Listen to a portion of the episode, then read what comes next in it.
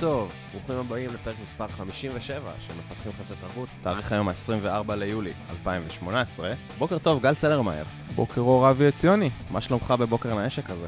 שלומי מצוין, אנחנו מתארחים היום במשרדים של סירס ישראל, אה, אז בוקר אור גם לאריק, אריק מה? רבינוביץ'. אריק רבינוביץ', אה, VP Engineering של סירס ישראל.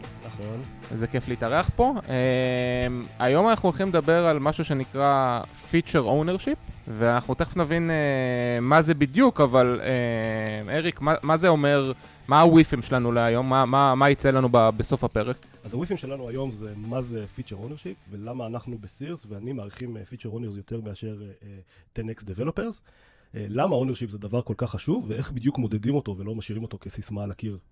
סבבה, אז uh, תכף באמת uh, ניכנס לכל הסיפור הזה. ספר לנו רגע על עצמך ככה ב-2-3 דקות שנכיר אותך. בכיף. אז uh, אני מפתח כבר לדעתי מעל 15 שנה, אני מאוד אוהב טכנולוגיה, אני מאוד אוהב בעיות טכנולוגיות. Um, הייתי בסטארט-אפ שהתחיל מבית קטן בעין כרם, uh, ועד שהוא הונפק בנסדק, עד uh, חברות מאוד מאוד גדולות. איזה סטארט-אפ זה? Rosetta Genomics, שהמנכ"ל uh, עושה גלינג גלינג גלינג בהתחלת המסחר ביום הראשון, וזו התרגשות מאוד מאוד גדולה. ואני כבר בערך שלוש שנים בסירס, אחד הדברים שאני מאוד מאוד אוהב פה, שאני עדיין לומד כל יום, וכל יום אני לומד דברים חדשים, וזה מאוד uh, כיף. סירס הייתה חברה קטנה שנקראה דלבר פעם, סירס ישראל, אמ, חברה שנרכשה ב-2009 על ידי סירס העולמית. אמ, המוצר המרכזי שלנו נקרא Shop Your Way. Shop Your Way בשלוש מילים זה social e-commerce platform. ואנחנו פונים בעיקר לקהל האמריקאי, אז הרבה אנשים עוצרים ושואלים אותי אם יש סירס בארץ, אז לא כרגע. ומה שכיף בסירס ישראל שאנחנו עובדים פה, זה שלמעשה אנחנו נותנים חוויה end-to-end, זה לא רק מרכז פיתוח, אלא מרכז עסקים עסקי עצמאי. ומה שאנחנו מאוד מנסים זה לשמור על התרבות ועל ה-DNA של הסטארט-אפ, על אף שאנחנו חלק מקורפורט מאוד גדול. אז בעצם אתה היום בוא רגע נצלול רגע לזה שאתה VP Engineering פה בסירס ישראל, מה זה אומר בפרקטיקה? אני חושב בפרקטיקה שזה א', לנסות לדאוג שהרכבות יצאו בזמן. התפקיד שלי בתור VP Engineer זה לדאוג ש... ש כמה שיותר לגדל את האנשים איתי, ומצד שני שיבואו עם חיוך על הפנים כל יום לעבודה וירגישו משמעותיים בעבודה שלהם. אז סתם רגע שנכיר שנייה את הארגון פיתוח, כדי שזה אחרי זה יעזור לנו, כמה צוותי פיתוח יש פה? יש פה כשישה צוותי פיתוח, יש uh, כמובן גם uh, אנשי QA, שנדבר עליהם טיפ, טיפה קצת אחר כך, uh, DevOps, uh, R&D מונה באזור 40-50 איש. מגניב. יאללה, נראה לי שנצלול לעניינים, אז אני, אני חושב שיהיה רק הוגן לשאול את השאלה הראשונה, מה זה feature ownership, שעל זה אמרנו שאנחנו הולכים לדבר היום. Um, אני אקח את, אני אענה על התשובה הזאת ואני אקח אותה מה ההבדל בינה לבין למעשה מפתח. אני חושב שבגדול זה הרבה עניין של scope. זאת אומרת, בעולם שאנחנו חיינו פעם, מפתח היה מקבל DR, כותב את הקוד שלו. מה זה DR? Design Review. Mm-hmm. היה כותב את ה-Design Review, מקבל את ה spec, כותב Design Review וכותב את הקוד. ובאותו רגע האחריות על, על, על הפיצ'ר הייתה עוברת ל-QA, והיה איזשהו תהליך פינג פונג עם, עם ה-QA, ובסופו של דבר שה-QA והמפתח היו מסכימים שהפיצ'ר מוכן לעלות ל production, האחריות של הפיצ'ר הייתה עוברת ל-DevOps, שהיו מתקינים את, שהיו מתקינים את הפיצ'ר ב production. אז זה היה ה scope של העולם שהיינו חיים פעם, ו feature ownership אנחנו מתייחסים לפשוט ה scope נהיה הרבה יותר רחב. זאת אומרת, זה מתחיל כבר משלב הקונספט. כבר בשלב הקונספט שה product manager יושב ומנסה להבין מה הוא מנסה להשיג, האם הוא מנסה להגדיל את ה active user, האם הוא מנסה להגדיל engagement, מה בדיוק הוא מנסה להשיג, כבר אז המפתח נכנס לשיחה. זאת אומרת, מפתח לא מתחיל את הפיצ'ר, אם הוא לא מבין איזה impact הוא יכול לעשות בסוף, ומה הפיצ'ר שלו אמור להשפיע. ומאותו רגע, האחריות על הפיצ'ר היא, אותו, היא על אותו feature owner. זאת אומרת, זה עוד לפני אפילו שנכתב ה spec. אז דיברנו על לפני שבכלל הפיצ'ר נוצר, אבל זה גם ממשיך, לאח... ממשיך אחר כך. זאת אומרת, מי אחראי על לבדוק את הפיצ'ר? האם עכשיו זה עובר ל-QA? לא, אנחנו מאמינים שהאחריות של ה quality של הפיצ'ר אחראית על פיצ'ר, ואני אקח את זה, יקצין את זה יותר. מי אחראי להתקין את הפיצ'ר ב production, ומתי. אז בעצם זה אומר שמה שה feature owner זה בעצם אומר שלקחתם מפתח שלפני זה כל מה שהוא היה עושה הוא היה כותב קוד, והגדלתם את ה scope שלו גם לפני וגם אחרי, זה אומר שעכשיו הוא גם אחראי לא רק על הקוד, הוא אחראי על ה product, על ה product והוא, לא אחראי, והוא אחראי גם על הבדיקות וגם על ה-DevOps ועל העובדה שהדברים יהיו ב production. נכון, הרחבנו את האחריות של, של אותו מפתח end-to-end. עכשיו, האחריות וההחלטה מתי לעלות ל production היא לא של ה-QA והיא לא של DevOps, היא של המפתח עצמו. הוא מחליט מתי הפיצ'ר מוכן ומתי להעלות אותו ל production. מה, ש, מה שזה מייצר, זה מייצר אה, אה, אחריות מאוד גדולה על אותו feature אה, owner, אה, לדעת שזה עליו. זאת אומרת, גם אחרי production, איך הפיצ'ר שלו יתנהג, מה הפיצ'ר שלו עשה, האם, האם הוא הוכיח את ההיפותזה ש, שלשמה בכלל יצאנו לדרך. האם ה impact שחשבנו שאותו פיצ'ר יעשה הוא באמת הגשים את עצמו? האמת שבהקשר הזה, אני אשמח לשמוע קצת על, אה, על מה זה פיצ'ר בעיניכם, כי זה... למרות שכאילו כולנו אינטואיטיבית יודעים מה זה פיצ'ר, אני חושב שזה לא תמיד מוגדר היטב. פיצ'ר זה יכול להיות... אה, לא, כאילו משהו שיהיה כזה כרטיס ב Jira אני עושה במרכאות, כאילו לשנות uh, צבע של כפתור זה יכול להיות פיצ'ר, וזה יכול להיות עכשיו כאילו uh, דרך תשלום חדשה, שזה פרויקט שדורש התממשקות עם ממשקים uh, אחרים, uh, חיצוניים אני מתכוון, uh, חוצה כמה צוותים ב, ב, ב, בארגון, אז מה זה מבחינתך פיצ'ר? אני חושב שמבחינתי פיצ'ר לא יכול, אי אפשר לנתק אותו מעולם של impact. זאת אומרת, מה הוא מנסה להשיג. גם למעשה לשנות צבע של כפתור, זה, אה, אה, שהגדרת, אה, זה פיצ'ר שמופיע ב Jira או מופיע ב Trello, איך שמנהלים משימות. למה בכלל מנסים לעשות אותו? ואם עכשיו אני אקבל לשנות את הצבע לכחול, ואז אני אקבל, אקבל משימה לשנות את אותו כפתור לצבע לצהוב, אני לא אבין בכלל מה אני מנסה להשיג, חוץ מלצבוע את אותו כפתור. אני חושב שפיצ'ר כמהות שלו, זה לבוא להבין מה זה משנה. עכשיו, זה יכול להיות פיצ'ר טכני לחלוטין. יכול להיות שעכשיו אני משנה ומוסיף אה, אינדקס באלסטיק, שלמעשה אין שום, ל-PM במרכאות לא אכפת מהדבר הזה. כי זה לא משהו מוצרי, אבל למה אני עושה את מה שאני עושה? תגיד, מה, מה היתרון המרכזי בעצם בפיצ'ר אונר? כלומר, למה זה עדיף על פני מה שאתה קורא לו השיטה הקודמת? קודם כל, ברגע ש, שהמפתח אחראי לבדיקות, זה, זה נותן שני דברים עיקריים. אחד, זה מאוד מגדיל, מאוד מגדיל את המפתח. בסופו של דבר אין לו את השכבת הגנה שהוא היה חי איתה עד היום, שזה בסדר, אני, אכתוב, אני אתן את הפיצ'ר, יכול להיות שהוא יהיה חצי אפוי, ה-QA ימצא לי את הבעיות, ו... אה, אה, וייתן, ויגיד לי איך, איך בדיוק לתקן או מה לעשות, ואיך הפיצ'ר לא עובד.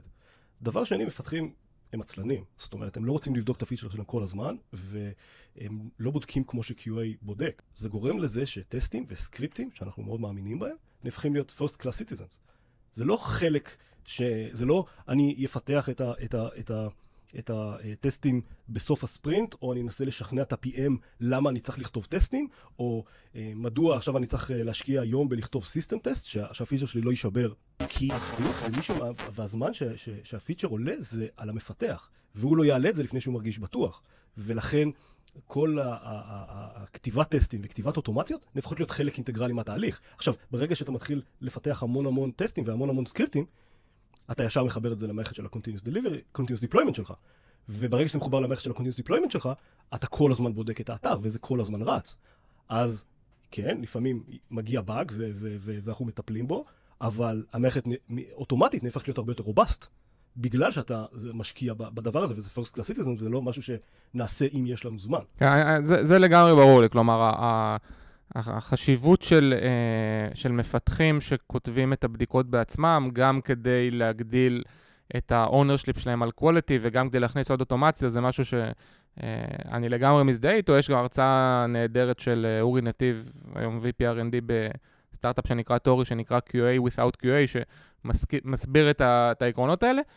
אבל מעבר לזה, מעבר לעניין של, ה, של הכתיבת טסטים. אני חושב ש... ש עכשיו נתייחס לצד השני. שזה להבין את ה impact. אני חושב ש, שלבוא ולהסתכל ולהבין מה המוצר רוצה להשיג ומה ה business מנסה לענות, זה מה שמאוד חזק. כי בסופו של יום, אנחנו פה בשביל לתת את המוצר ולתת את החוויה הכי טובה לממברים שלנו וליוזרים שלנו, לא לכתוב את הקוד הכי יפה. ברור שזה דבר ש- שאנחנו מאוד אה, אה, אה, רוצים ואכפת לנו ממנו, אבל המטרה שלנו בסופו של דבר זה לתת value לממברים שלנו. וברגע שמנסים, ש- ש- שמפתח מחובר עוד לקונספט של מה רוצים להשיג ואיך איך רואים אותו ומתייחסים אליו כ, כ, כמשהו אה, אה, מאוד הוליסטי בתור, בתוך אה, חוויה מאוד גדולה, זה הופך את השיחה של למה אנחנו עושים את הפיצ'ר הזה מאוד מעניינת. זאת אומרת, כל היום יש פה שיחות של האם אנחנו עושים את הפיצ'ר הזה, או בוא נעשה פיצ'ר אחר שייתן יותר. ברגע ש, ש, ש, שמפתח מתחיל לחשוב יוזרים, מתחיל לחשוב ממברים, מתחיל לחשוב איך משתמשים במוצר, זה הופך את, את כל תהליך הפיתוח להרבה יותר אה, נכון. אני חשבתי שגם תגיד משהו לגבי ה... שהנושא של feature ownership, יש פה גם אה, נושא של, אה, איך הייתי מגדיר את זה? אולי, אולי ממשקים, כי דיברנו על זה שלפני, ולפני איזה, לא יודע, עשר שנים, חמש שנים, כל חברה וה, והתקופה שלה, זה היה באמת כזה מעין waterfall של אחריות כזה. היית מתחיל מהמפתח, שהיה לו איזה ticket ב Jira Trello או whatever, הוא היה מפתח אותו, היית מעביר ל-QA. המפתח היה אחראי לכתוב את הקוד, ה-QA היה אחראי להגיד אם יש בזה באגים, ואז היה מגיע ל-DevOps, שאז לא קראו לזה DevOps, זה כן. היה system או משהו כזה, שהם אחראים על production, ואתה כאילו, אתה יכול להיות שכתבת משהו שחונק את ה database, משהו שמפרק, אני פעם כתבתי משהו שמוסיף אה, משתמשים ל Active Directory, ועל הדרך אה, מוחק את כל המשתמשים מעבר לאלף משתמשים הראשונים, נגיד. אז כל הארגון לא יכל להתחבר, זה true story, וזה בעיה של system, כי כאילו הם התקינו את זה ב production, אני, על המחשב שלי זה עבד. הייתי בטוח ש, שנדבר גם על זה, זאת אומרת, על, ה, על הממשקים, מה קורה בעצם כשפתאום במקום שיש לך לפחות אה, שלוש פרסונות שונות שאחראיות על, ה, על, על ה delivery של הפיצ'ר ל production ומה קורה איתו אחר כך, ועוד לא דיברתי על product שצריכים לבדוק את האימפקט שדיברנו עליו, מה קורה בעצם כשהכל, אנחנו עושים את זה, מה שנקרא Dev-Centric. בעצם המפתח הוא אחראי על הכל, ובעצם אה, ה-V שאתה מסמן, זה לא רק שזה עבד על המכונה שלך, זה כשזה עבד ב production והגשים את המטרה בצורה איכותית. נגעת פה נקוד, בנקודה נורא חשובה. אני חושב שכולנו כתבנו קוד בעבר, שמעולם לא ראה production. שנכתב למגירה או נכתב אה, איפשהו, ומעולם לא ראה משתמשים. כשאני מדבר על, על להסתכל על, על הפיצ'ר גם אחרי שהוא עלה ל production, אז המחשבה הראשונית זה, אוקיי, יש לנו באג, נכנס באג, זה אימפקט שלילי שהכנסנו פיצ'ר ל production. אבל זה לא רק אה, פידבק שלילי, זה גם פידבק חיובי. זה נורא כיף בסופו של דבר לדעת שאתה מעלה פיצ'ר ל production, עשית לו merge ל master, ובערך שעה עגולה אחר כך, אתה מתחיל לראות אנשים ויוזרים משתמשים בפיצ'ר הזה. אתה מתחיל לראות איך הם משתמשים בפיצ'ר הזה. עכשיו, כמו שאנחנו יודעים, אנחנו כותבים פיצ'ר ואנחנו מניחים איך היוזרים ישתמשו, זה לא תמיד ככה במציאות, יוזרים לא תמיד משתמשים בפיצ'ר כמו שאנחנו חושבים שהם ישתמשו בפיצ'ר. ולראות את התנועה הזאת של אנשים ש... ש, ש, ש הנה, אמא, תראו מה עשיתי, יש לי יוזרים, העליתי כפתור ו, ו, ועכשיו אנשים לוחצים ו, וזה עוזר להם, זה חוויה מאוד מאוד כיפית. איך אתם רואים את התנועה הזאת בפועל? מה המפתח רואה אחרי שהוא מעלה את הפיצ'ר? מצוין, הוא רואה מספרים, זאת אומרת, אנחנו עוקבים, אה, אנחנו מנטרים כל דבר, ויש לנו אנליטיקות. כמות קליקים ודברים כאלה. כמות קליקטים, CTR, אנחנו מנטרים כמעט כל דבר שקורה באתר, ונורא קל לקבל פידבק על, על, אותו, אה, אה, על אותו פיצ'ר שהעלית. לדוגמה, אנחנו מאוד מאמינים, פה ב Sears, שמפתחים שמגיעים לפה, מעלים פיצ'ר בשבוע הראשון שלהם לעבודה. עכשיו, אני מניח שפיצ'ר בשבוע ראשון של העבודה יהיה פיצ'ר יחסית מאוד קטן, זה לא יהיה אה, פיצ'ר מאוד מאוד גדול, אבל יש משהו נורא נורא כיף לחזור הביתה ביום חמישי בערב ולפתוח את האפליקציה, את, את האתר, ולהראות, אני עשיתי את זה. זו אומנם נקודה נורא קטנה, אבל זה מה שאני עשיתי. יש בזה אה, חוויה אחרת לחלוטין מאשר אני כותב, אה, אני כותב פיצ'ר, או שהוא מעולם הוא לא יראה אור, או שהוא יראה אור עוד אה, חצי שנה כבר, אני אהיה ב context אחר לגמרי, אני לא אזכור מה עשיתי בפיצ'ר הזה, ואם עכשיו יתחילו להשתמש בו, לא יהיה לי מושג מה התכוונתי לפני חצי שנה שקיבלתי את ה spec. אני חושב שיש פה עוד עניין בהקשר הזה שהוא... אפשר לפתור אותו בהרבה דרכים, אבל גם feature owner פותר אותו, וזה...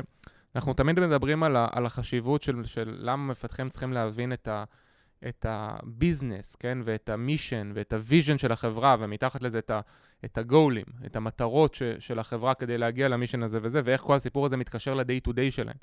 וה, והסיפור פה הוא בעצם, יש אה, ספר מעולה של אה, דן פינק, שמדבר על איך אה, מביאים drive, איך מביאים מוטיבציה ל-knowledge workers, כן? מפתחים כדוגמה, וצריכים בעצם שם שלושה דברים, שזה purpose, autonomy ו mastery, ובהקשר הזה אני חושב ש purpose, שזה בעצם ה mission של החברה והביזנס, אה, הוא, הוא חלק שהוא מאוד, בדרך כלל קשה להביא אותו.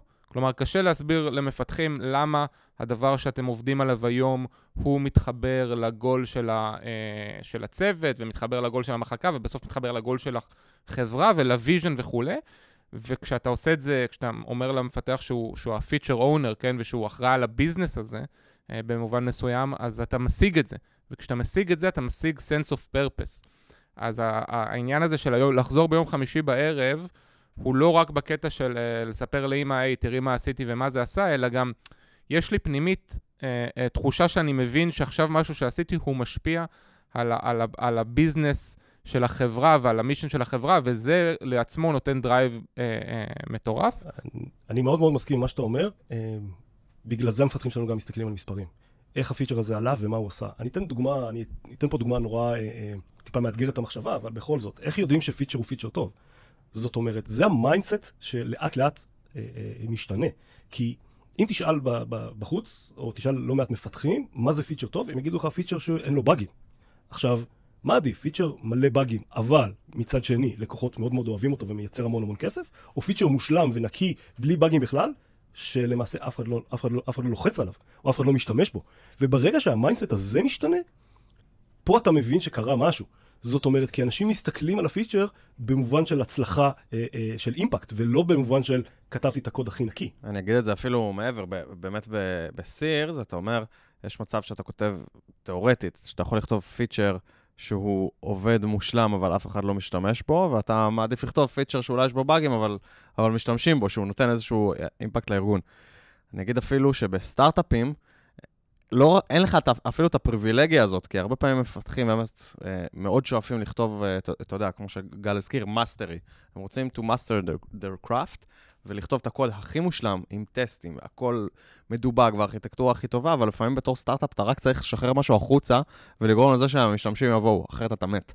אה, אז, אז אני חושב שזה כאילו אפילו עוד יותר מחזק את, ה, את השיחה הזאת. אז, אז אני מסכם רגע, ה feature owner הוא בעצם אה, אותו מפתח שאחראי על הפיצ'ר end-to-end, החל מהמוטיבציה ל business, דרך כמובן הפיתוח ו, אה, והטסטים ובדיקות האיכות, עד שזה עולה ל production, וגם אחרי זה אה, הניטור של, ה, של הפיצ'ר ב production, כדי לוודא שה business מקבל את, את ה impact שציפינו לו, נכון? נכון מאוד. אז בואו, אני אשמח עכשיו שאחרי שכאילו קצת דיברנו על מה זה feature owner, בואו נרד שנייה ל details של איך זה עובד בסירס. בואו בוא נדבר שנייה על, ה, על ההתחלה, כאילו, מאיפה בכלל מגיע פיצ'ר? זה, יש product? בוודאי, יש product. אמ, ופיצ'ר מתחיל מ... מ, מ יכול להגיע משני מקומות. א', מהמוחו הקודח של ה product. הוא יכול לחשוב על איזה פיצ'ר מצוין, ואז למעשה נוצר איזשהו סוג של צוות. אוקיי, ש- צוות אד הוק כזה, אד הוק, שהוא כאילו ה feature team, שקודם שכמה זמן יעבדו ביחד? כל זה תלוי בגודל הפיצ'ר, אבל אה, רוב הפיצ'רים שלנו, הם, אה, אנחנו משתדלים, משתדלים שהם יהיו יחסית contained, אז אני מניח באזור השבועיים. אוקיי. ו- ורגע, משהו שאני מפספס פה, אתם עובדים באיזושהי מתודולוגיה אג'ילית, ב Scrum או משהו כזה? כן, בוודאי, אנחנו עובדים ב Agile. האמת היא שכל צוות בוחר אה, בעצמו איך, איזה מתודולוגיה הוא רוצה, הוא רוצה לעבוד. יש לנו צוותים שבחרו לעבוד ב Kanban, יש צוותים שבוחרים לעבוד ב Scrum וב Agile. רגע, אבל זה הצוותים האלה שאמרת שקמים אד הוק? כן, אבל אני רוצה רגע לחדד שנייה. זה לא צוותים שעכשיו נכנסים ויושבים בחדר אחד, אלא זה צוותים וירטואליים של feature teams, אוקיי? עכשיו, בתוך הצוות הזה בדרך כלל יהיה, יהיו ארבעה אנשים. יהיה את ה-PM, שה-PM אה, אה, חושב על הרעיון ובסופו של דבר צריך אה, אה, אה, אה, להוריד אותו down to earth, איך בדיוק אה, לעשות אותו, ולהבין מה הוא רוצה לשפר ולשנות. יש את אותו מפתח, שבסופו של דבר אה, אה, אה, לוקח את הפיצ'ר end-to-end, כמו שאמרנו, אה, מההתחלה עד הסוף. יש אה, בדרך כלל אה, איש אה, quality, שיכול לתת את הדגשים שלו לאותו פיצ'ר אונר, איך בדיוק לעשות אה, ולבדוק את הפיצ'ר שלו. ואנחנו משתמשים בשיטה שנקראת ה-body system, זאת אומרת, לפיצ'ר אה, ספציפי, יש feature owner שהוא לא כותב את הפיצ'ר בעצמו, אבל הוא מלווה את הפיצ'ר אה, אה, מתחילתו ועד סופו. עכשיו, הפיצ'ר, ה-buddy הוא לא חייב להיות מישהו מהצוות, או לא חייב להיות הראש צוות, זה כמו. עוגיות עבאדי כאילו? זה כמו מה? עוגיות עבאדי? עוגיות עבאדי, כן, תודה לך בדיוק. על ההערה החשובה הזאת.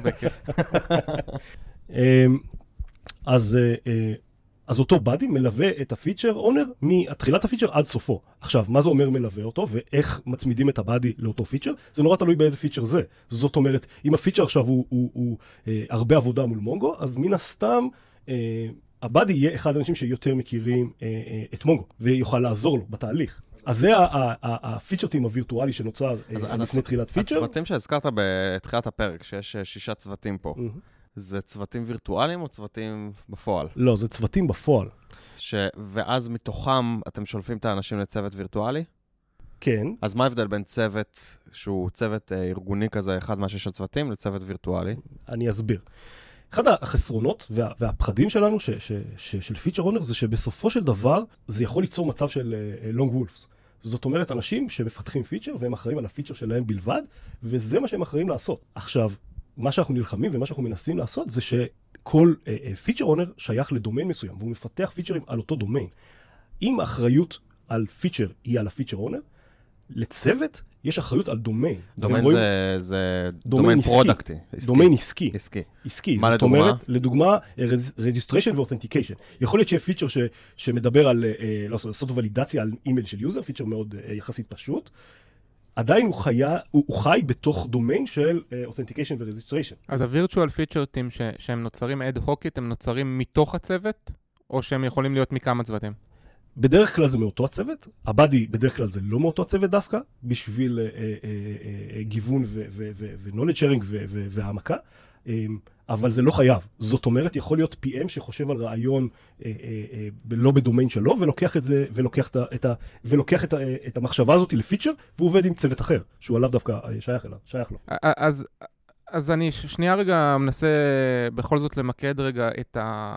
רגע לפני ההיווצרות של virtual feature team, כן? ה-PM בדרך לעבודה חשב על איזשהו פיצ'ר מגניב שיועיל לביזנס. עכשיו, איך נוצר ה-virtual feature הזה? ה-PM הולך ומלקט אנשים, או שיש לכם תהליך של planning, או איך זה קורה? כן, יש תהליך של planning, שיושבים וחושבים איזה פיצ'רים הולכים להיכנס לספרינט הקרוב.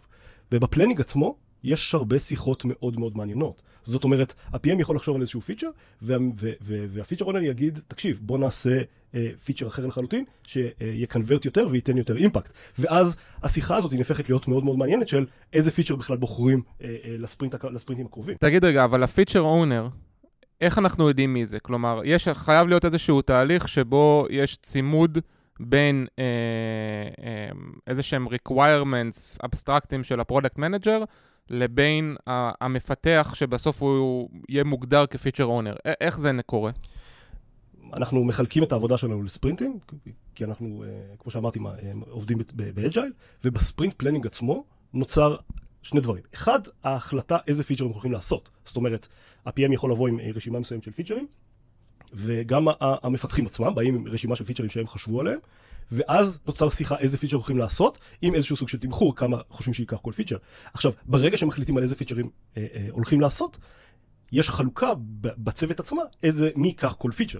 ואז אה, אה, במרכאות נוצר הצוות הווירטואלי הזה של הנה ה-PM, הנה הפיצ'ר, אה, אה, יום אחר כך פחות או יותר מוצמד ה buddy לאותו פיצ'ר, אה, וה- וה-quality, אה, איש ש- שמכיר את הדומיין, ואז הצוות הווירטואלי הזה למעשה נוצר. הבנתי, אז זה עובד מאוד מאוד בדומה ל Scrum, שיש איזושהי פגישת planning שבה ה product, במקרה הזה אתה אומר שגם הצוות מגיעים עם רשימה או to-do או, איזושהי רשימה של stories או פיצ'רים, מחליטים לפי priorities או, או, או, או משהו אחר, איך, איזה פיצ'רים הולכים לעשות בספרינט הקרוב, ואז כל אחד מהצוות בעצם אומר איזה פיצ'ר הוא רוצה או מתאים לעשות, והוא הופך להיות ה feature owner של הדבר הזה. בדיוק. יש פה נקודה מאוד חשובה ש- ששווה אה, אה, אה, רגע להתעכב עליה, כי זה דבר ש- ש- שאנחנו מאוד אה, שמחים וגאים בו.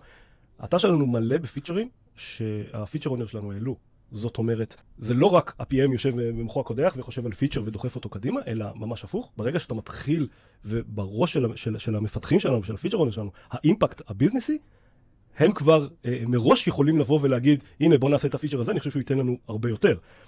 עכשיו, זה לא רק לבוא ולזרוק רעיונות ולראות אם משהו, משהו ידבק לקיר. זה בדיוק, אה, אה, זה, זה ממש לא זה. זאת אומרת, איך אתה מייצג את הפיצ'ר שלך ברמה עסקית? איך אתה מייצר לו backlog? איך אתה מייצר לו את, ה, את ההיפותזה של מה שאתה רוצה לבדוק? עכשיו, אנחנו מתייחסים לזה מאוד בתור סטארט-אפיסט קטן שמוביל רעיון מההתחלה עד הסוף. זאת אומרת, משלב של יש לי רעיון, איך אני בכלל מייצר שיחה מוצרית ומייצר, אה, אה, אה, אה, חושב איך ייראה הספק, עד, עד שהוא בסופו של דבר נראה ב production. ואז המון פיצ'רים באתר מגיעים בכלל ממפתחים. ולכן השיחות בין ה-PM לפיתוח הופכות למאוד מאוד מעניינות.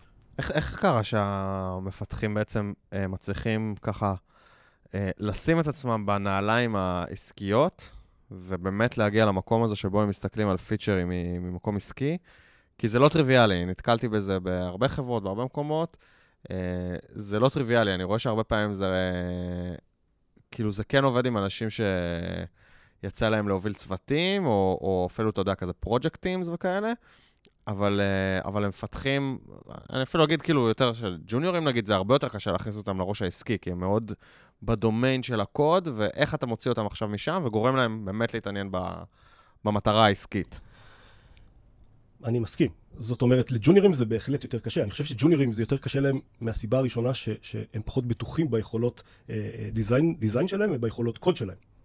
אמ, אבל מה שחשוב להבין, כי אנחנו מגייסים אה, ג'וניורים, ונכנסו לפה ג'וניורים, וגדלו להיות תוכניות פיצ'ר אונר, אנשים לא לבד, וזו הנקודה החשובה בתוך התהליך הזה. אתה לא לבד לוקח את הפיצ'ר מנקודה, אה, מנקודה אה, A עד לנקודה Z, לא, אתה, יש לך מערכת תומכת סביבך. עכשיו, בתוך המערכת הזאת, בתוך ה feature team הזה שנוצר, אז בהתחלה ה-PM נורא נותן בדברים שקל לו ברמת ה business וברמת ה impact, ואז האיש quality יכול לעזור מאוד ברמת ה... ברמת ה-quality ואיך לבדוק את המוצר, עד שזה מגיע ל production ולכתוב את הקוד, ואז ה buddy מאוד מאוד יכול לעזור. אף פעם אותו בן אדם שהוא מוביל פיצ'ר, הוא לא נמצא לבד. וזו נקודה שמאוד חשוב לי להתעכב. להתעכב. עכשיו... אז יכול להיות שזה, שבעצם זה לא feature owners, יכול להיות שזה feature אמ, teams רק? כלומר, יש team, שה team אחראי על הפיצ'ר. בהתחלה, כלומר...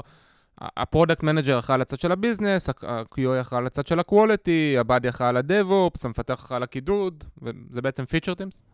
לא, זה לא feature teams, כי בסופו של יום זה על אותו feature owner. והתפקיד שלו עכשיו זה למשוך את ה buddy שיסתכל לו על הקוד ויעביר לו ביקורת על ה design, זה עליו. אבל, אבל, אבל אם הבנתי אותך קודם, לא בכל שלב נתון כל המפתחים הם feature owners, נכון? כלומר, אם יש לך עכשיו צוות אה, אה, וירטואלי, שצריכים בשביל לקודד, לעשות איזה פיצ'ר מסוים, צריכים בשבילו שני מפתחים או שלושה מפתחים. אז בהגדרה לא כל המפתחים הם ה feature owner של הדבר הזה, נכון?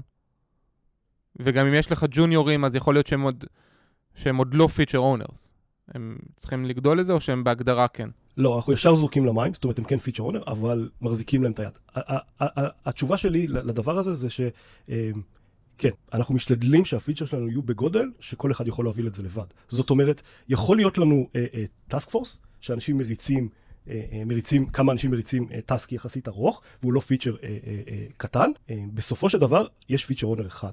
והוא אחראי להוביל את זה. עכשיו, זה יכול להיות אה, task מאוד אה, טכנולוגי, אז אני מאוד אה, מתחבר למה שיובל קסטן דיבר בפרק 24, 23. היית קרוב, איפה? הייתי קרוב. על, על אנשים שמובילים פרויקטים טכנולוגיים ארוכים, ואז זה בהחלט סוג של task force, אבל, אבל אנחנו משתדלים שהפיצ'ר שלנו יובלו על ידי בן אדם אחד, ומשתדלים לשבור את זה לפיצ'רים יחסית קטנים, ולתת לכל אחד להוביל end-to-end. עכשיו, יכול להיות שאנחנו נתחיל ב-MVP. ואז ה-MVP יהיה יחסית קטן. זה לא אומר שאותו פיצ'ר אונר אחרי זה ימשיך את אותו MVP, זה לא, זה לא חייב להיות בכלל. הכלי השני שאנחנו אה, אה, משתמשים על מנת אה, אה, לגדל פיצ'ר אונרס ולגדל ג'וניורים, זה שאנחנו מנסים להיות מאוד מאוד. אה, זאת אומרת, design review וספק וספק נשלחים לכל החברה. הם נשלחים לכל החברה וכל אחד יכול להגיב ולהיכנס לקונטקסט. עכשיו אנחנו מייצרים את הכלים האלה, והדרישה שלנו שזה יהיה קל אה, מדיזיין ריוויו להיכנס לקונטקסט. עכשיו, ברגע שקל להיכנס לקונטקסט וקל להבין מה, מה אנחנו מנסים להשיג, אז הרבה יותר קל, א', להסתכל על אנשים אחרים וללמוד מהם, וב', אתה מקבל המון פידבקים על מה שאתה, עוד לפני שבכלל עברת לפיתוח, או, או, או, או, או אה, אה, ברמת הספק, או אה, אה, התחלת לקודד כי אתה עדיין תקוע בזמן ה-DR. וברגע ש, שאתה מקבל המון פידבקים אה, מסביבך על מה שאתה מתכנן לעשות, הרבה יותר קל להבין איך, ו, ואיך לעשות את זה. דבר שלישי שאנחנו מנסים לעשות בשביל לגדל אה, אה, את הג'וניורים זה בעיקר שפה. זאת אומרת, אנחנו מאוד מדברים כל הזמן על אה, אימפקט והיפותזה. וברגע שאתה שומע את זה ואתה מבין שזה חלק מה, מהיומיום שלך ומה שאתה מנסה להשיג, אז... הרבה יותר קל לך בסופו של דבר להתחבר ולגדול לדבר הזה. אנחנו לא עושים פיצ'רים, פיצ'רים לא יוצאים לדרך, לפני שאנחנו מבינים מה אנחנו מנסים להשיג. תגיד, כל הנושא הזה של feature owners לא מאוד מקטין את הפונקציות האחרות בארגון, כמו product manager, שהוא בהגדרה הופך להיות מישהו עכשיו הרבה יותר עם, לא יודע, אולי high-level thinking ו-vision וכולי, אבל, אבל כבר... ברגע שלקחת לו את המושכות אה, מהידיים, וברגע שכבר אה, הגדרת מישהו אחר שמסתכל אחרי זה על ה business ועל ה impact, אז הוא, הוא כבר הרבה פחות hands on. אותו דבר לגבי ה-ish QA. אה, ברגע שהוא הופך להיות רק לאיזשהו סוג של יועץ, אה, אז הוא, אתה יודע, הוא יועץ. אני אענה על שתי הפונקציות שהעלית עכשיו. רגע, בכלל, כאילו, לא, לא דיברנו על זה, אבל צריך, אה, צריך QA ב, בסיטואציה הזאת? כי אתה אומר שהאחריות הזאת עברה בכלל לפיתוח. אז התשובה היא, התשובה הקלה היא לא. זאת אומרת, אנחנו לא צריכים אנשי QA, לא במובן הקלאסי של, המו, של המילה, של שוטרים אה, שמנסים לתפוס את המפתחים, אה, אה, שכל מה שהם רוצים לעשות זה להחדיר באגים ל production. עכשיו, ברגע שאנשי ה-QA כבר לא משמשים כשוטרים, אז יש להם זמן להסתכל על כל העולם כולו ברמת, ב, ב, בראייה של quality. זאת אומרת, על הדומיין שעליו הם אחראים. איך היוזרים שלנו משתמשים בכל הפלואים, ומה בדיוק אה, מפריע להם ואיך אפשר לעזור להם. זה העניין של, של עכשיו QA, שהוא נורא אה, אה, יצא מ scope לוקאלי של פיצ'ר, והרבה יותר מסתפ... אה, מסתכל על scope הוליסטי של איך הדומיין מתנהל ומה צריך לשפר בו. אז במובן הקלאסי, אה, אה, אנשי ה-QA שלנו עברו אה, איזושהי אדפטציה, וכיום ההסתכלות שלהם הרבה הרבה הרבה יותר רחבה, ולא ממוקדת פיצ'ר פיצ'ר. ומה לגבי ה-PM? האחריות בסופו של דבר על ה business, ה impact של, של הדומיין, זה ה-PM עצמו. זאת אומרת, ה-PM אחראי על, על, על, על, על הדומיין בדיוק אותו צורה כמו ה-QA, בצורה מאוד הוליסטית. ה-QA כן מסתכל על מספרים וכן מעניין, מאוד מעניין אותו impact, ובסופו של דבר הוא האיש שיבוא ויקבע איזה פיצ'ר נעשה, אם זה יהיה פיצ'ר A או פיצ'ר B, לפי ההיפותזה של, של, של ה impact שלו. אבל מצד שני, ואני אומר את זה בגאווה, ה-PM שלנו מאוד מאוד אוהבים את האינטראקציה הזאת. איש, אה, אה, PM טוב, צריך כל הזמן לשאול את השאלה למה. וברגע שהוא שואל את השאלה למה, למה אנחנו עושים את הפיצ'ר הזה, ומאתגרים אותו על השאלה הזאת, זה הופך את ה-PM להיות PM הרבה יותר טוב בעיניי. עכשיו, ברגע שאתה מתחיל לקבל פידבק כל הזמן, למה אני עושה את מה שאני עושה, זה מאוד מחדד את השאלה ומאוד מחדד את התשובות של ה-PM, וזה אה, אה, אה, אה, בסופו של דבר דבר מאוד חזק. עוד משהו שאני, שאני חושב עליו שהוא יכול להיות אה, בעייתי בעולם הזה, כלומר, מפתחים ברובם, אבי הזכיר את זה קודם, כן? אתה יודע, הם, הם, מה שמעניין אותם זה לכתוב קוד. זה מה שהם רוצים, זה מה שהם אוהבים, וכנראה גם זה מה שהם טובים בו. אה, האם... זה באמת נכון, ממש ברמת היעילות של החברה אה, והרצון של, של המפתחים, אה, לקחת חלק משמעותי מהזמן שלהם על דברים שהוא לא כתיבת קוד. וזה הבנה של הביזנס, וזה אה, QA, וזה DevOps וכולי. התשובה שלי זה שזה לא מתאים לכל אחד. אני אגיד את זה בצורה הכי אה, אה, אה, חדה, יש אנשים שזה לא מתאים להם. יש אנשים שלא, פחות אכפת להם אם הם כותבים קוד שמשמש לשיפור אלגוריתם של אופציות בינאריות, או קוד שמייצר ערים חכמות. בסופו של דבר, שאנחנו, שאנחנו מגייסים ומחפשים את האנשים, אנחנו מחפשים את האנשים ש, שמאוד אכפת להם המוצר שעליו הם עובדים. מאוד רוצים לדחוף את המוצר קדימה. עכשיו... אגב, איך אתם עושים את הבדיקה הזאת בזמן הרעיונות? זו שאלה, ש, ש, שאלה מצוינת. אני חושב שזה אחד הדברים יותר קשים לשאול, אבל אחד, אחד מהדברים ש, ש, שאני שואל, זה קודם כל, מה שינית, איך שינית את המציאות בחברה הקודמת שעבדת בה? עכשיו, לשנות את המציאות יכול להיות, אה, ה build שלנו לקח הרבה זמן והתעצבנתי אה, וחתכתי את הזמן ה build בחצי, או יש לנו המון flaky test והלכתי והחלפתי את ה testing framework שלנו, testing framework אחר, אבל הלכתי ושיניתי בעצמי משהו. עכשיו, השאלה הבאה שלי תהיה על הדבר הזה, זה מה בדיוק זה שינה ולמה זה הציק לך. לקחת אה, אה, אה, מפתחים שיש להם חשיבה על האימפקט, גם אם זה ברמה נורא טכנולוגית, ולהעביר אותם לחשיבה ברמת הביזנס, זה דבר שקל לנו ואנחנו יודעים לעשות. אבל אם בן אדם אה, בסופו של יום קיבל אה, ספק, כתב DR והוציא תוצר, והוא לא מבין מה השתנה, והוא לא פעל לשנות את המציאות שבה הוא קיים, יהיה לו קשה מאוד להביא, יהיה לו קשה מאוד לחזור לשיחה מה האימפקט הביזנסי של, אותה, אה, של אותו פיצ'ר שעליו הוא עובד. כמה זמן אתם כבר עובדים בשיטה הזאת? לפי דעתי באזור החמש שנים. ואיך זה, איך אתה רואה את זה משפיע על התרבות בארגון פיתוח של סירס? אני חושב שהתרבות ש- השתנתה בעקבות זה. חלק מהדברים שציפינו וחלק מהדברים קצת הפתיעו אותנו. קודם כל, בצורה הכי פשוטה שברגע שהאחריות עברה למפתח, אה, מאוד מהר המערכת שלנו נהייתה הרבה יותר רובסטית. זאת אומרת, מפתחים, ובצדק, לא רוצים לקום בלילה, לתקן את הבעיות שלהם, והם רוצים שהמערכת תעבוד uh, כמה שיותר טוב. אז נוצרו לנו המון כלים סביב הדבר הזה. זאת אומרת, כלי ראשון זה פיצ'ר uh, פלג. זאת אומרת שאם פיצ'ר uh, uh, מתחיל uh, לקרטע באמצע הלילה, יהיה אפשר לכבות אותו מרחוק על ידי טיר אחד, ולא צריך להעיר אף אחד. עכשיו, לאט לאט עם הדבר הזה, uh, זה ישתכלל. זאת אומרת, מה, שאנחנו מאוד מאמינים פה, פה זה gradual rollout. מה אנחנו עושים? אנחנו פותחים את ה feature לכמות קטנה מאוד של users, בהתחלה זה יכול להיות אה, רק אצלנו במשרד, ולאט לאט לפתוח את זה יותר, ולבדוק איך זה משפיע. עכשיו, אנחנו עוד פעם מתייחסים לזה בצורה נורא שלילית, שרגע, אם יש באג או אין באג, אבל זה לא רק זה, זה איך ה users שלנו למעשה משתמשים ב feature, וללמוד מזה, ואם צריך לתקן עוד בשלב המוקדם, אז בואו נתקן בשלב המוקדם.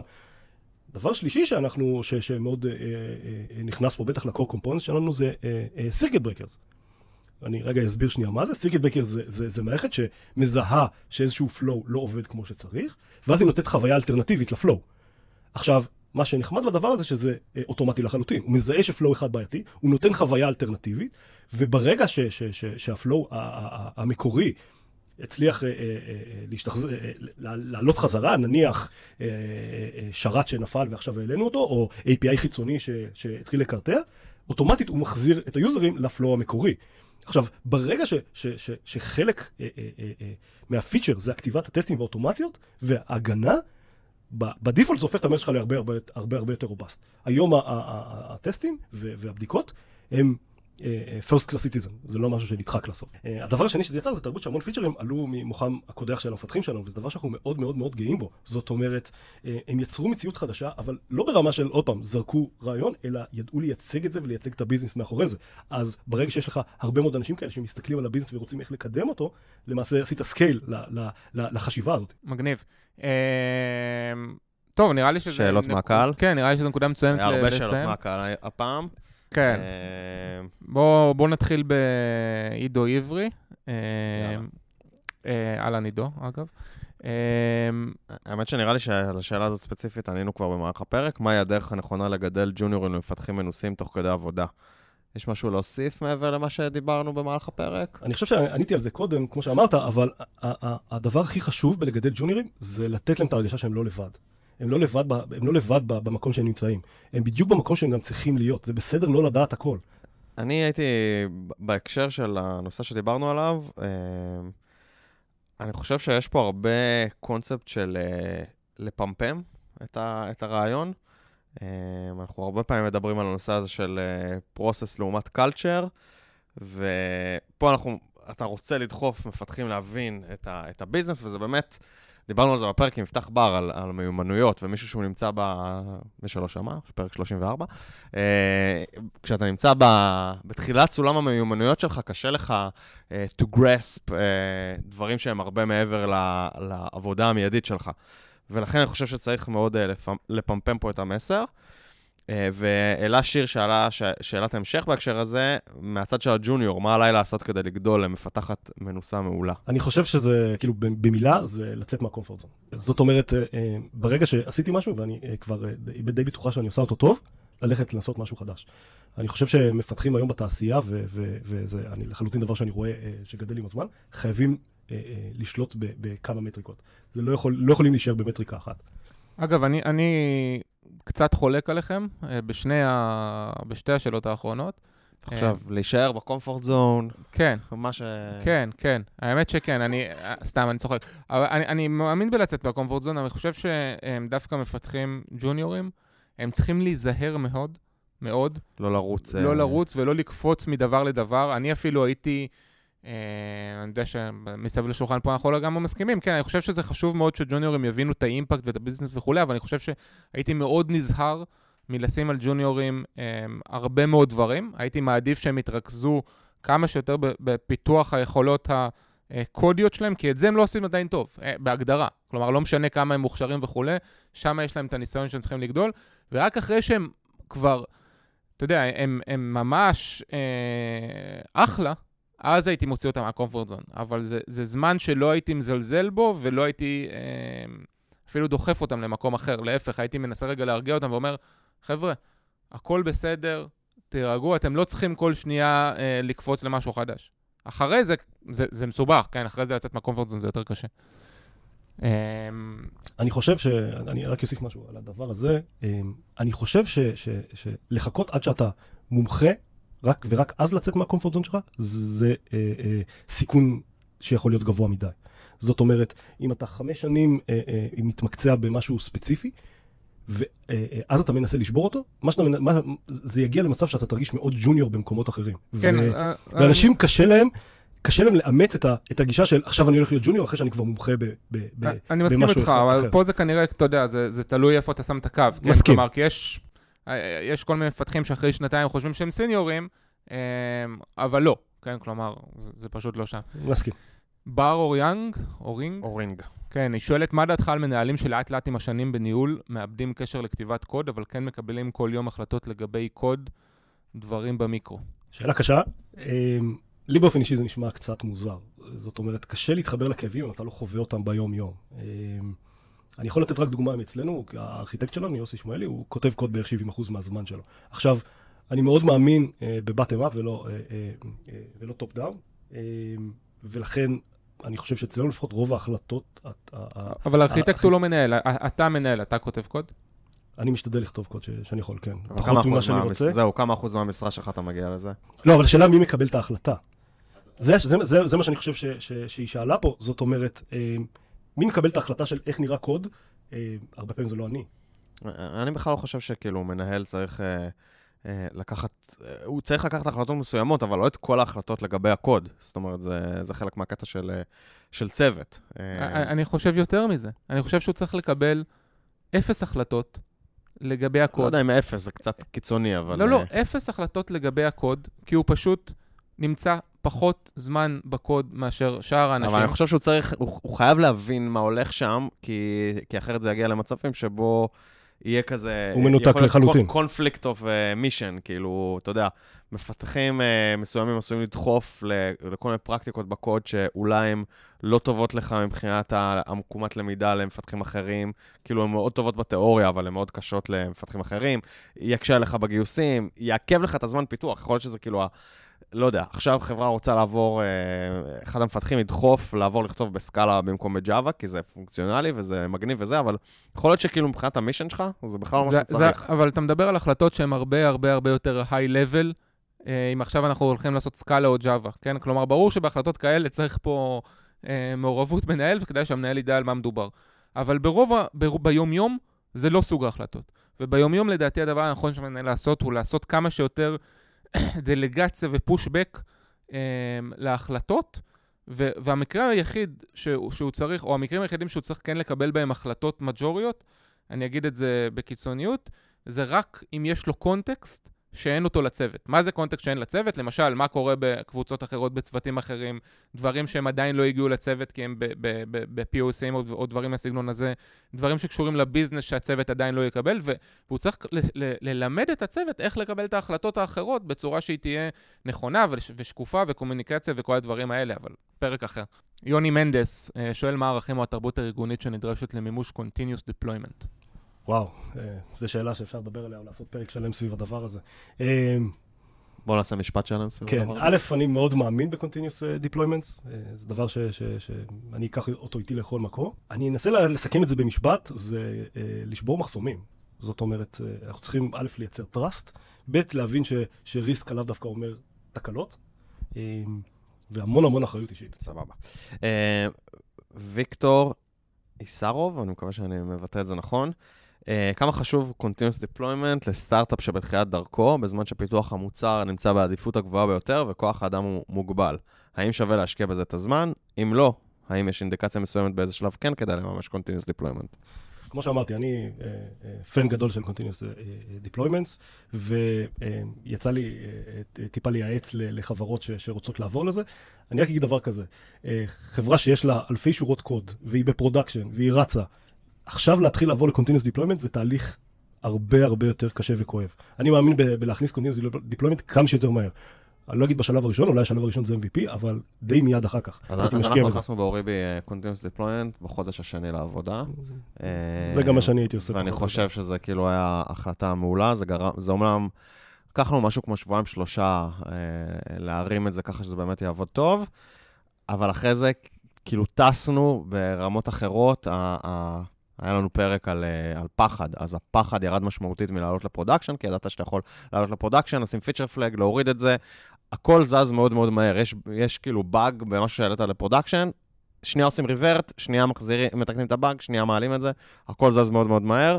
אני חושב שלעשות את זה בשלב יותר מאוחר פשוט היה דורש, חוץ מהקושי הטכני שאמרת על כמות שורות הקוד, זה גם, יש פה אה, איזה leap of faith culture שאתה צריך לעשות, פתאום לחנך ארגון שרגיל לעבוד בצורה לא continuous deployment, לעבור לכן continuous deployment, זה לדעתי הרבה יותר קשה בשלב. זה, זה הייתי אומר שזה cultural debt. אני, אני אחדד את זה. אני חושב ש-Continuous Deployment הרבה יותר תלוי בתרבות שלך מאשר הבעיה הטכנולוגית. נכון. הבעיה הטכנולוגית פתירה. פתרו אותה כבר לפני אה, כמה וכמה שנים טובות, אה, אז ייקח לך אה, שבוע, שבועיים, חודש, בסופו של דבר אתה תגיע לשם.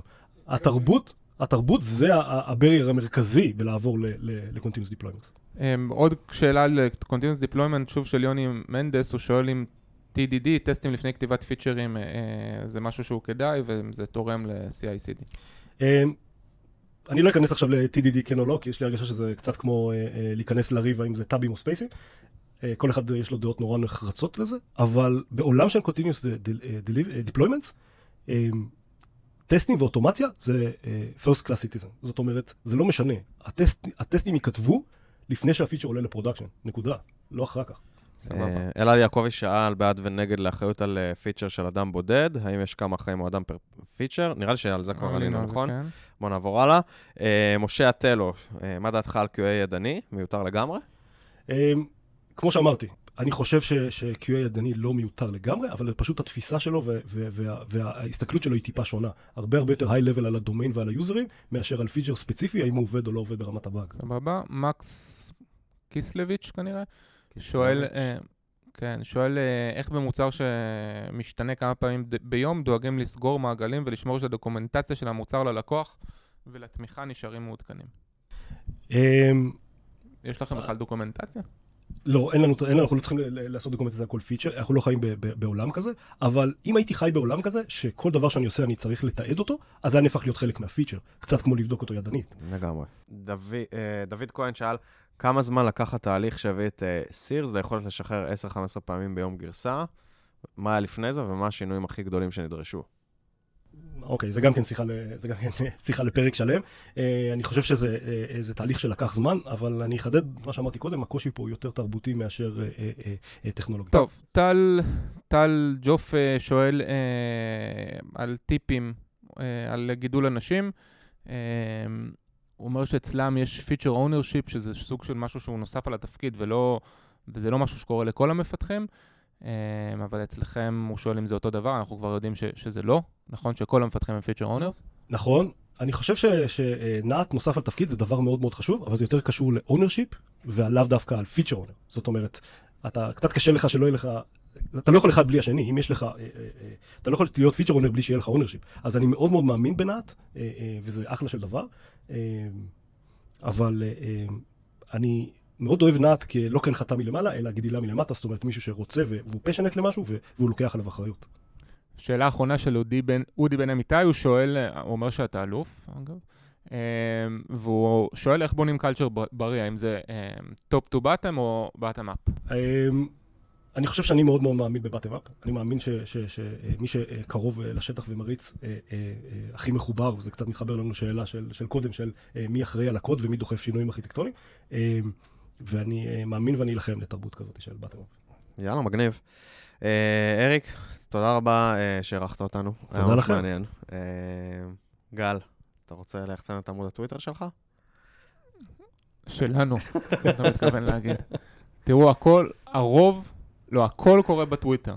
אני מאוד ממליץ לכם. נו תרבות. אני חושב שהטראפיק בקבוצה, זה, אנחנו צריכים לעשות, אמרו לנו שאנחנו לא מתווכחים מספיק, אנחנו צריכים לעשות fight אה, על איפה יש יותר traffic, בטוויטר או בפייסבוק לא- שלנו. זה לא עניין של כמות. בקיצור, אה, תעזרו לי לנצח, מפתחים חסרי תרבות הקבוצה. אה, יש שם אחלה שאלות, אנחנו מזמינים אתכם להצטרף אם אתם עוד לא שם עדיין במקרה. אה, ונראה לי שזהו, שיהיה לכם יום קסום. יום קסום. תודה רבה, יום קסום. יאללה ביי. ביי ביי.